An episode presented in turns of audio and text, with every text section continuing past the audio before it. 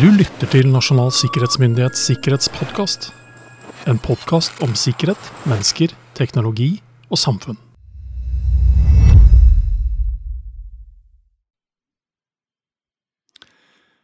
Hei, mitt navn er Roar Thon. Jeg befinner meg i podkaststudio sammen med min faste makker Jørgen Dyrhaug. Hei, Jørgen. Hei, Roar. Hei sann.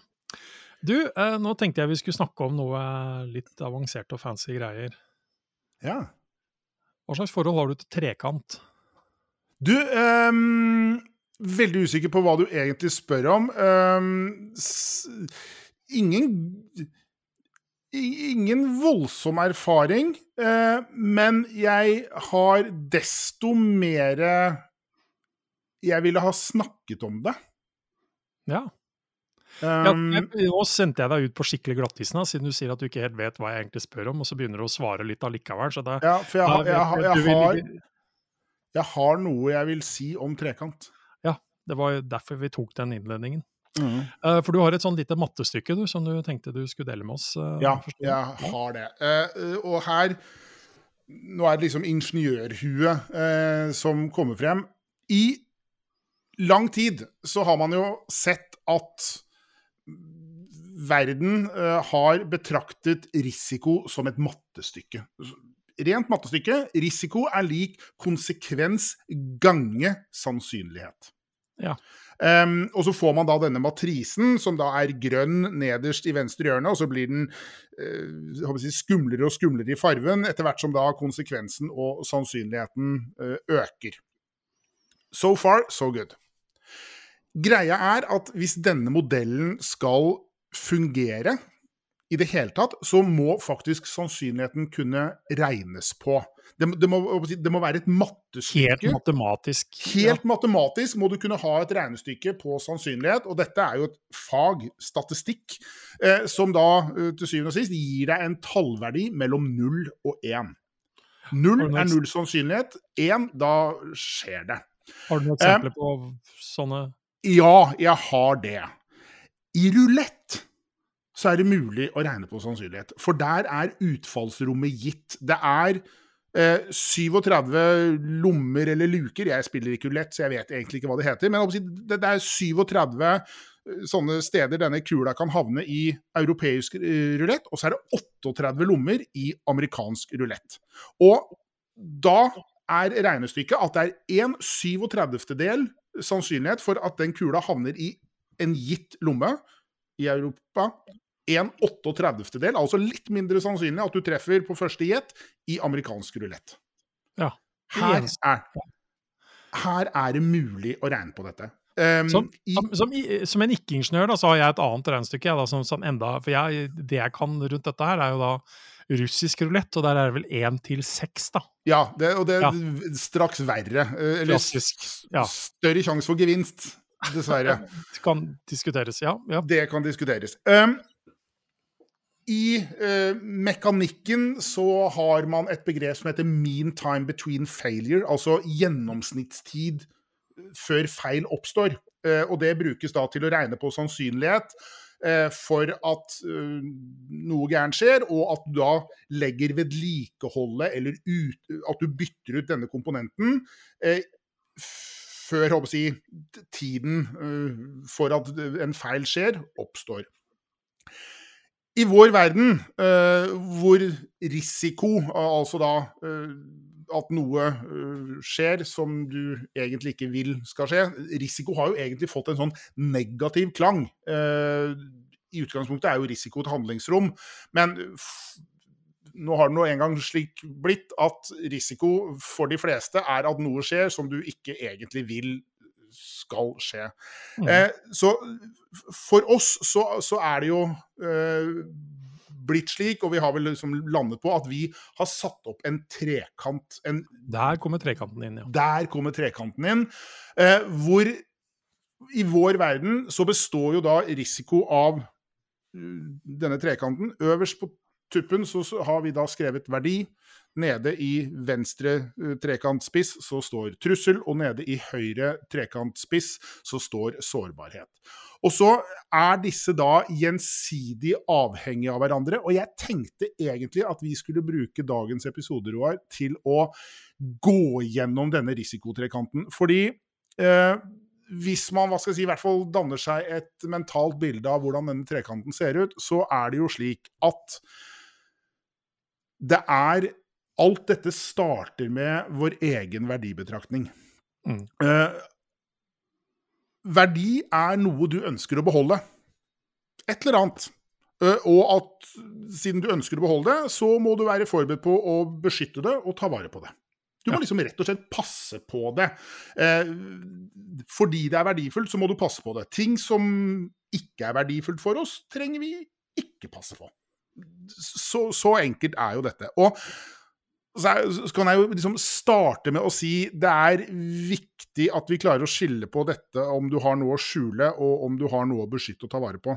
Det er veldig mange som i dette verdi, eh, i verdivurderingen eh, nuller seg selv ut og sier vet du jeg har ingenting å skjule, ergo jeg har ingenting å ta vare på. Det er feil. Eh, at du ikke har noe å skjule, er jo vel og bra, tenker jeg. Jeg har heller ikke fryktelig mye å skjule eh, i mitt private liv, men jeg har fryktelig mye jeg ønsker å ta vare på. Jeg omgir meg med verdier av forskjellig karakter som jeg ønsker å ta vare på. Mm. Uh, som jeg ønsker å beskytte, som jeg ønsker å ha i min varetekt, fordi de er av betydning for meg. De er verdifulle for meg. Og eh, verdier kan uh, i både den fysiske verden og i den digitale verden, og så rører vi dette sammen, så, så kan disse ha forskjellig form. Verdier kommer i, liksom, i forskjellige formater. Vi, vi har direkteverdier. Penger har en direkte verdi. Du kan lese på pengeseddelen hvor mye dette stykket med fysisk greie er verdt, og hvor mye handlingsrom denne mynten eller seddelen gir deg. Eh, og, og smykke ja. Ja. Nei, bare i den, for jeg syns at det med penger er jo en litt sånn enkelt eh, utgangspunkt for å si at den 1000-kroners-cheddaren har også den samme verdien for noen andre. Ja, i, i forholdet én til én. Yes. Det, det, det, blir eh, liksom den enkleste formen på verdivurderingen. fordi yes. hvis jeg får den, så har den faktisk potensielt like mye verdi for meg. Ja, og så har den akkurat like eh, redusert verdien for deg, fordi du ikke lenger har den i din hånd. Um, og så har man jo, hva skal jeg si, andre uh, entiteter som ikke er like åpenbart påført en verdi som uh, som penger. Men sånn som smykker og elektronikk. Lett omsettelige verdier som kjapt gir gryn i, i hendene til dem som uh, får tak i dette. Og så har vi indirekte verdier. Verdier som i utgangspunktet ikke er verdifulle for deg som røver, men fordi de er verdifulle for meg, så kan de bli verdifulle for deg i en sånn indirekte konsekvens. Um, tenk uh, fysisk, og tenk album med barnebilder. Ja. Um, uh, bilder av mine egne unger er mye verdt for meg. Bilder av alle andres unger er, for å være helt ærlig, ikke så interessante, og heller ikke betydningsfulle for meg. Men det er klart at uh, hvis noen hadde stjålet våre album hvor vi har bilder av ungene våre fra det sekundet de er født, og nærmest opp til i dag, så ville jo det vært et voldsomt tap for oss. Og mm. vi kunne kanskje øh, havne i en situasjon hvor vi ville være villige til å betale penger til røveren for å få disse albumene tilbake igjen bildene av våre barn har ikke vært noe mer interessante for røveren. Men fordi de er så jækla interessante for oss, så genererer de en verdi og et, si, en gevinst i andre enden. Materialiserer seg i hvert fall en mulighet der for å få ut en annen type verdi av det en, du ja. Enn det, ikke sant? Og du, du, kan, du får ikke betalt regningene med Fremmedsfolk-album. Men Nei. du kan, håper jeg, som du sier, generere da, eh, gjøre dette om til uh, verdier du kan bruke til penger. Så har vi da, eh, Nå har vi da snakket om direkte og indirekte eh, verdier. Og så har vi da eh, et tredje fenomen, som er da immaterielle verdier. Altså kunnskap. Knowledge. Ja. Ting du vet, som jeg ikke vet, men som jeg veldig gjerne vil vite. Um, ting du jeg håper å si, kan ha i hodet, da er det litt vanskeligere å få tak i det. Da må jeg liksom ta prikkedøden på deg og få deg til å avsløre hemmelighetene dine. Men sannsynligheten er ganske stor for at du har skrevet dette ned. Gjerne elektronisk, for da slipper jeg å reise hjem til deg for å liksom lete gjennom uh, dine notatbøker for å finne det. Det holder at jeg da kan logge meg inn på OneDriven din, og så høste da derfra. Uh, og resultatet av at jeg da driver og køler rundt med dine immaterielle verdier, er at de blir ikke borte for deg. De ligger der like fullt og helt. De er Fremstår som ubesudlet. De eh, er dine. Du kan gjøre hva du vil med dem. De har ikke forandret eh, karakter etter at jeg da har vært og kopiert dem, for det er jo akkurat det jeg har gjort. Mm. Men de er ikke lenger like verdifulle som før jeg hadde fått tak i dem. Du kan si at verdien er nå også spredt mellom deg og meg. Og hvis jeg nå er kjappere enn deg, så kan jeg kanskje bruke da disse immaterielle verdiene til å generere en faktisk verdi. Mm.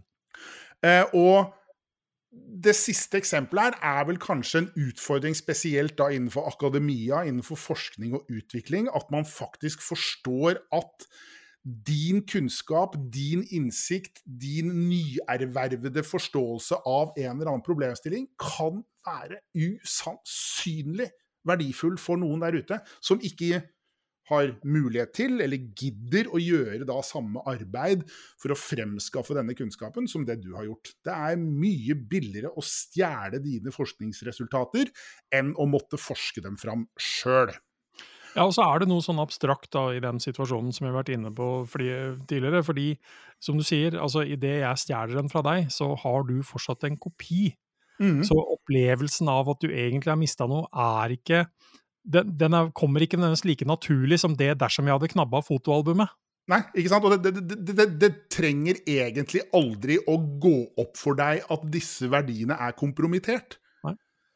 Uh, dette er en mulighet som jeg håper å si nærmest kanskje bare kun åpner seg i det digitale domenet. Jeg kan liksom ikke reise hjem til deg, Roar, og ta en kopi av drivhuset deres. Og få med meg kopien. ikke sant? I, det fysiske domenet så er det enten så har du det, eller så har du det ikke. I det digitale domenet så kan ting kopieres. Det er høyreklikk, det er copy, send to, og så er liksom det løpet kjørt.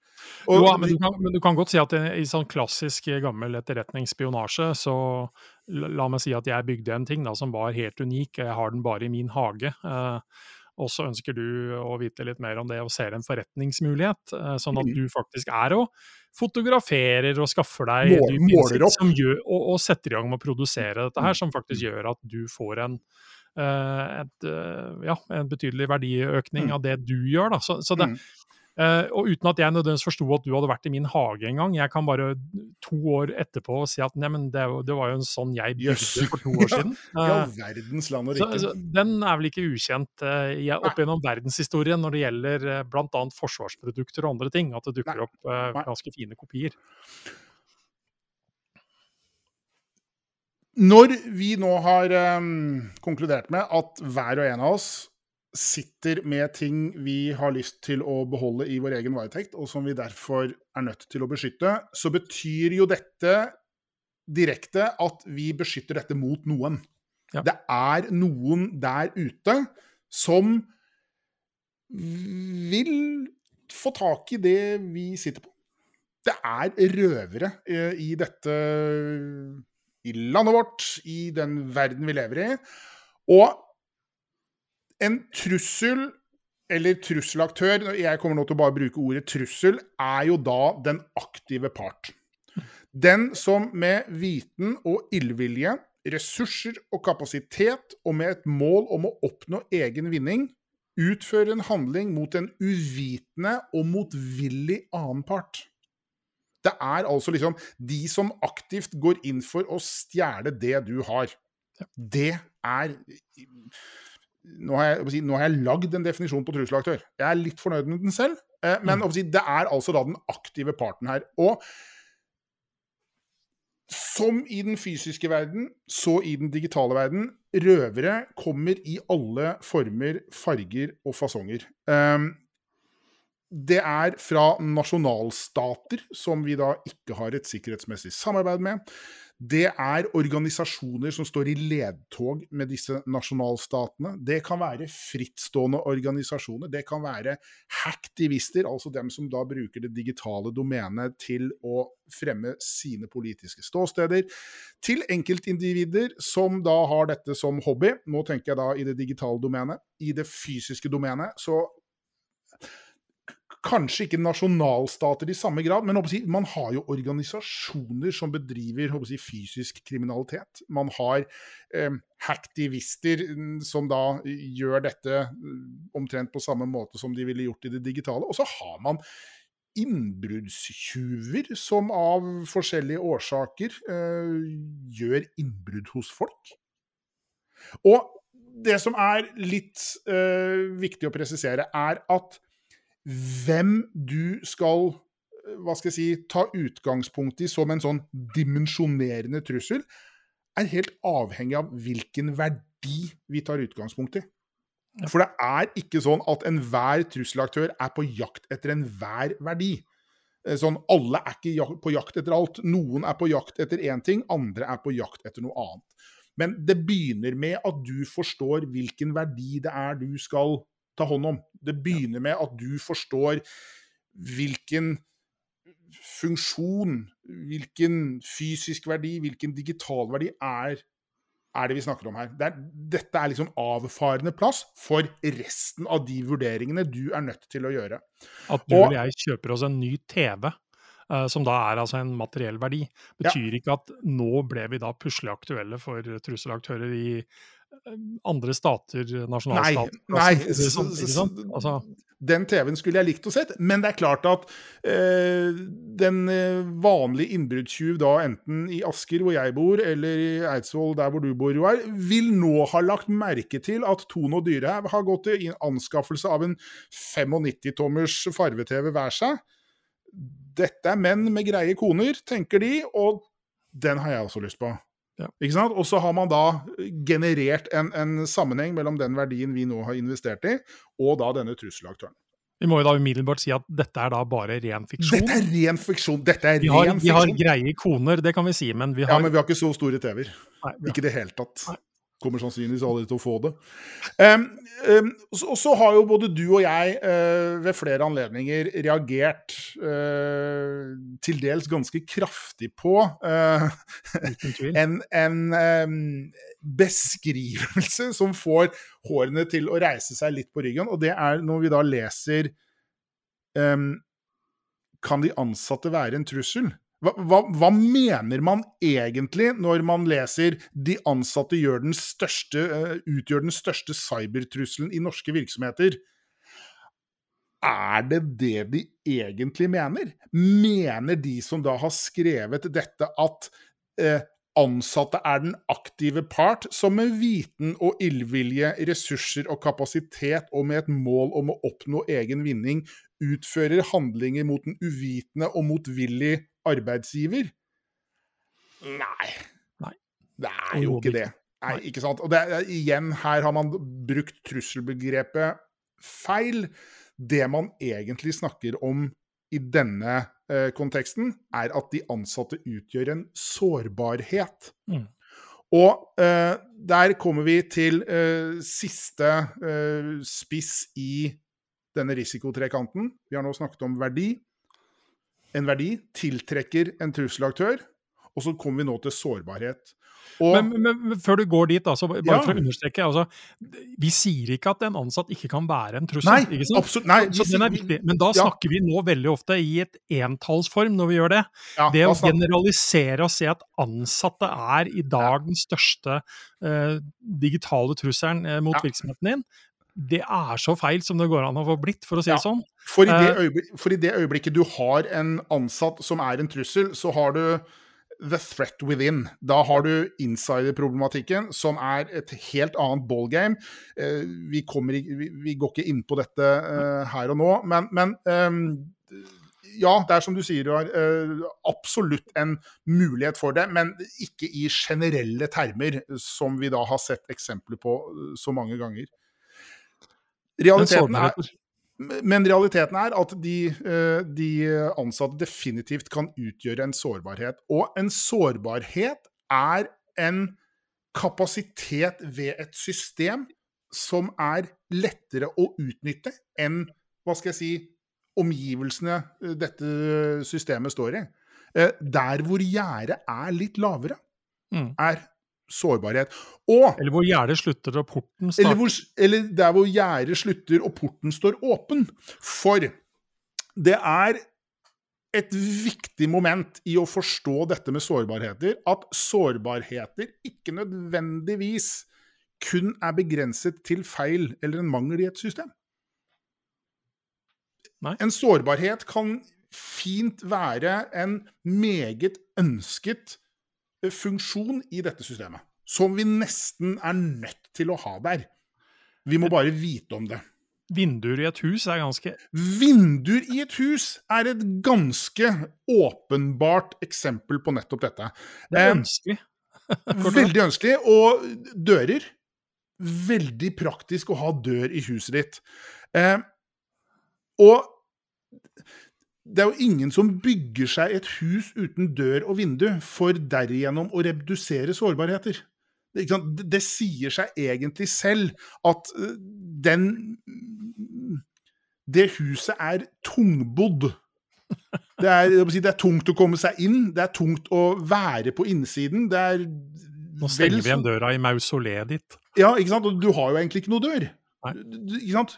Eh, men sårbarheter kan jo også definitivt være feil i systemet. Um, og det er jo ofte det, eh, det fenomenet som er oftest eh, brukt, og oftest, hva skal jeg si, fokusert på. Og tenk deg nå, nå, nå snakker vi jo liksom- Vi snakker fortsatt om huset vårt. Det er det enkleste bildet. Tenk deg at leverandøren av låskassa i ytterdøren din har oppdaget at hvis du drar hardt i åndtaket oppover, ikke nedover, men Mm. oppover, så åpner døren seg.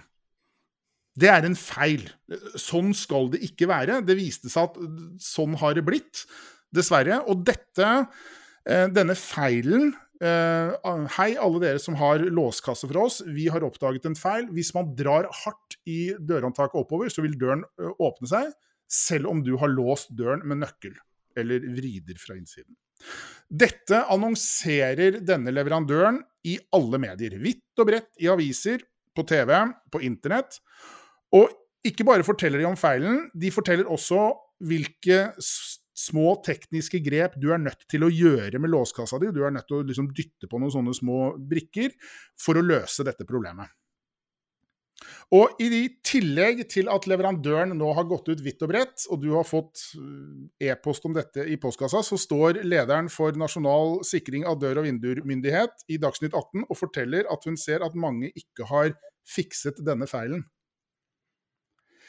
Ville du, Roar Thon, ha brukt lang tid på å fikse din egen låskasse hvis dette var realiteten? Jeg tror ikke det, men, men jeg er ikke overbevist om at alle nødvendigvis hadde flydd og gjort det. Altså, Nei. Men jeg tror veldig mange hadde skjønt at å fader, vet du hva, noen kan komme inn døra mi bare ved å dra litt hardt i det dørhåndtaket. Greia er jo at vi ser akkurat de samme fenomenet Mm. uh, i det digitale domenet. Eh, vi ser jo at de store leverandørene, og i hvert fall da den desidert største leverandøren av digital uh, digitale dingser, uh, legger jo dette ut med jevne mellomrom. Med akkurat denne beskrivelsen om hva som er feil. Med en beskrivelse av hva du må gjøre, men likevel så ser jo vi da at folk og virksomheter bruker usannsynlig lang tid på å få dette på plass. Og hvis det da viser seg at det er en feil eller en mangel i systemet ditt som leverandøren ikke vet om, men som røverne der ute vet om Hvis ryktet om denne svakheten i denne låskassen begynner å gå i gatemiljøet til de gatekriminelle. Hvis du ser at de har en sånn låskasse, så er det bare å dra hardt opp, og så åpner døren seg. Så snakker vi om det som da i den digitale verden kalles en nulldagssårbarhet.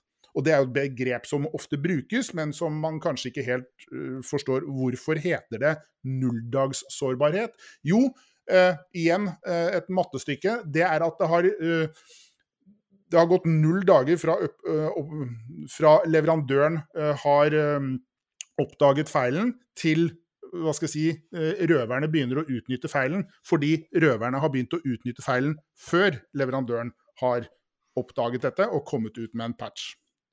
Men det er bare én ting som, som, slår meg når du sier dette her. fordi at En ting man også må ta inn over seg da, når, når, du drar opp denne fysiske delen og den digitale delen, det er at for å utnytte sårbarheten i den låsekassa, som mm. du mhm. beskriver, på døra, ja, ja. så må også jeg være fysisk til stede foran utgangsdøra ja. di for å utnytte den. Det er, det, er, det, er, da i ganske liten skala i forhold til de som da potensielt er villige til å gå inn i huset ditt for å gjøre ugagn ved å bruke den metoden, kontra det vi utsetter oss for digitalt, hvor dette med sårbarheten kan nås fra hele verden.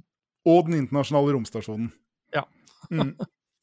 Ja, nei, det, det, er helt det, er, Så, det, det, det, understreker egentlig bare i enda større grad viktigheten at du har kontroll på sårbarhetene dine. Uh, så there you have it. Ja. For å så, forstå din egen risikosituasjon, så er du nødt til å forstå dine egne verdier. Det må begynne med det. Ja. Og det er helt, det er helt avgjørende. Um, Kommer man skjevt ut i verdivurderingen, så faller egentlig jeg håper å si, arbeidet med å forstå din egen risiko litt sammen, for da har du startet liksom litt skeivt ut. Um, og jeg tror det er fryktelig lett å undervurdere sin egen verdi. Uh, undervurdere hva du har uh, i din egen portfølje som du bør ta vare på. Uh, kanskje lettere å forstå det i vår fysiske verden enn i vår digitale verden. Og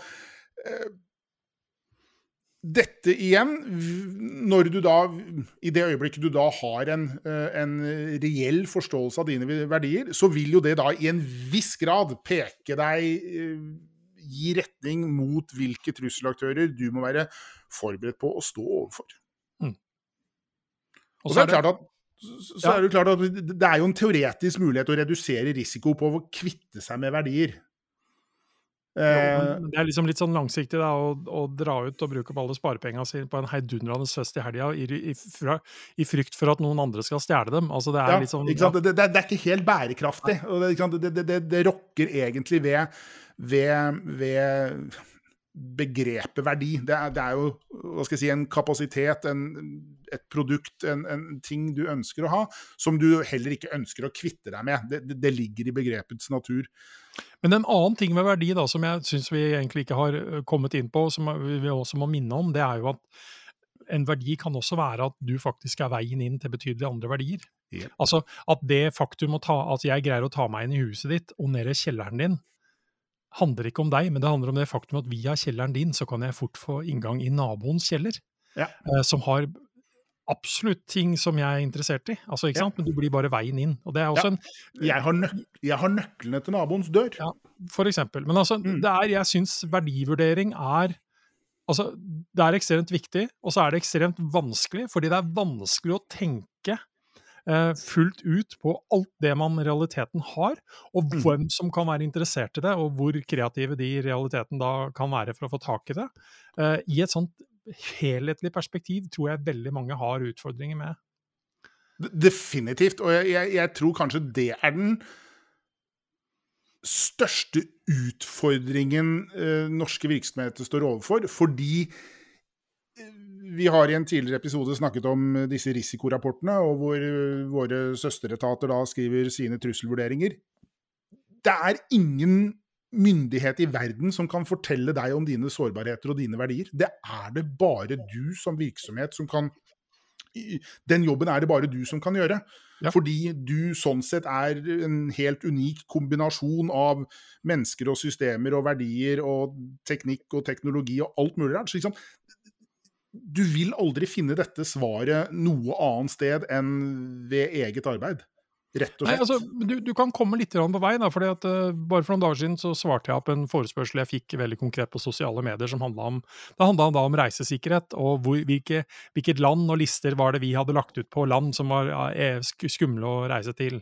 Og så sier jeg at ok, det er jo noen som er kanskje klarere enn andre. Og så er jeg ikke så glad i sånne lister, fordi du er nødt til å ta høyde for følgende. Hvis du og jeg drar til land X som turister, så er det ikke sikkert at vi har så veldig stor verdi sett med det landets øyne. Er du med? Ja. Men hvis du eller jeg drar dit som f.eks. journalister for å skrive en kritisk artikkel om noe som, altså som angår dette landet, Mm. så endrer den verdisituasjonen seg betydelig og gjør at vi altså potensielt får en helt annen risikosituasjon, Mm. fordi dette her økte i verdi. Eh, så, men du kan ikke ta utgangspunkt i at det ene området er trygt og det andre er det ikke, for det handler til syvende og sist om hvor verdifull du er, og hvor interessant du da Ja. eh, er som sådan overfor de som er trusselaktører. igjen, det er jo koker jo ned til hva skal jeg si, å forstå dette verdibildet ditt, som jo da igjen øh, vil gi en retning mot hvilke trusselaktører, trusler som da er reelle. Men vi har konkludert med at verdiene våre øh, er Vi ønsker at de skal forbli statiske. Vi ønsker at de ikke skal si, være i spill som sådan. Eh, trusselaktørene, får vi gjort noe med dem? Nei. Nei, altså, egentlig, altså i, det- I det små så gjør vi det, men i det store hele, de kommer ikke til å bli borte neste uke. Nei. Og du og jeg som privatpersoner, Roar, vi har ikke mandat til å gå klaske til noen ute i gata her og si jeg ser på deg som en trusselaktør, så deg har jeg tenkt å gjøre noe med. Eh, Nei, i, i, i, I land som våre så er jo hva skal jeg si, voldsmonopolet tildelt eh, et lite antall statsaktører. eh, og sånn syns vi det er stas at det er. Um, og i en digital forstand så er dette et globalt problem. som man får Og så i en digital forstand så er det et globalt problem og betydelig eh, verre å ta tak i. Så da står vi der, da. Med en trekant hvor to av hjørnene kanskje ligger fast. Ja. Vi får egentlig ikke jeg gjort noe med de hjørnene slik at arealet av denne trekanten blir mindre. Vi står igjen med at det å forstå erkjenne at man har, og gjøre noe med sine egne sårbarheter. Forstå de veiene inn i huset ditt som en innbruddstyv eh, sannsynligvis kommer til å utnytte, og iverksette tiltak mot dem. Eh, ikke overraskende, jeg har alarm i min egen bolig. De sensorene er da ikke rettet mot veggen de er jo rettet mot de sårbarhetene som jeg anser som absolutt mest sannsynlig at en innbruddstyv som da ville prøve seg på min bopel, ville utnytte. Det er vinduer og dører. Mm. Eh, akkurat den samme logikken er man nødt til å gjøre i virksomhetens lokaler, i virksomhetens digitale systemer. Liksom finne disse vinduene og dørene. Følge med på om du får beskjed om det er noe trøbbel med låskassa di, at den kan misbrukes sånn sett. Og derigjennom eh, gi deg selv muligheten til å ha kontroll på disse sårbarhetene, vite status på dem, gjøre tiltak der det kreves tiltak, sette overvåkning der det kreves overvåkning. Og så er det det du kan gjøre for å redusere din egen risiko i det fysiske livet, men ikke minst i det digitale livet. Så nå har vi brukt eh, noen minutter til å drodde litt rundt eh, risikotrekanten. Vi har snakket om verdier, trussel eh, og sårbarheter. I planleggingen av denne her så trakk jeg fram en forenkling som jeg har brukt i foredragssammenheng, og den kan jeg jo sitere som følger. Du har verdier, og de verdiene tiltrekker seg trusselaktører. Du har sårbarheter, de eksponerer verdiene og utnyttes av trusselaktørene. Det er det vi i realiteten sier. Ja. Og så er det følgende å forstå. Du får ikke gjort noe med at verdi har verdi. Nei. Og så får du heller ikke gjort noe med at trusselaktørene eksisterer. Og da står du igjen i én ting vi faktisk kan gjøre noe med, og det er å redusere sårbarheter. Altså gjøre noe med det vi selv kan gjøre noe med. Uh, og det er vel uh, egentlig budskapet vårt på, på, veldig mye. Faktisk å forsøke å gjøre noe. Redusere sårbarheter. Og gjennom det også faktisk da redusere risikoen. Ja. Det gjøre det vanskeligere. At, gjøre, eh, gjøre, det vanskeligere for folk å komme inn og få tak i det de har lyst på, som du har behov for å beskytte dem mot. Og så kan dette oversettes i veldig mange forskjellige sammenhenger, og den oversettelsen skal vi overlate til andre selv å eh, sette seg inn i hva, hva dette betyr for dem. Absolutt. Ja. Det tar vi ikke her og nå. Det gjør vi ikke, det venter vi med til en annen gang, hvis vi helt tatt noen gang er i stand til å gjøre det. Det er et godt spørsmål.